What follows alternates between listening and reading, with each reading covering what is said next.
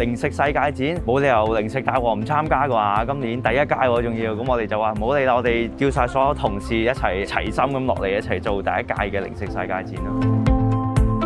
It's the first time we're doing a show organised by HKTDC. So when we saw the traffic, we were very, very surprised. 大家都見到我哋，我身後邊咧準備嘅貨品咧，其實已經大部分已經係賣晒㗎啦，所以好開心咯，令到我哋啲。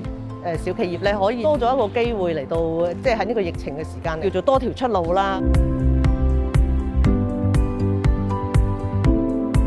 有兩年冇擺個展覽啦，咁誒都希望可以睇下人流啊、各方面啊嘅安排同埋防疫嘅措施係點樣啦。咁好讓我哋喺嚟緊嘅美食博覽做準備咯。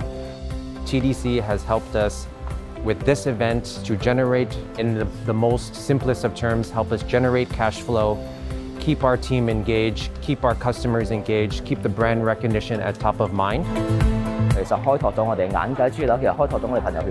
咁其實我哋同唔同嘅檔主啊，同唔同嘅參展商啊，其實都喺過程中有個交流啦。呢個係非常好，因為你好難有機會會喺一個場合度揾到啲志同道合嘅人同你一齊上。透過呢一次機會，可以俾到我哋可能有一個再深一層嘅交流。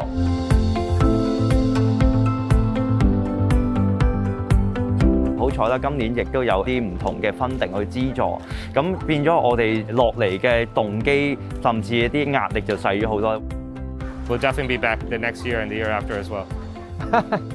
Yes, absolutely. We have four boots here. We want eight boots next year.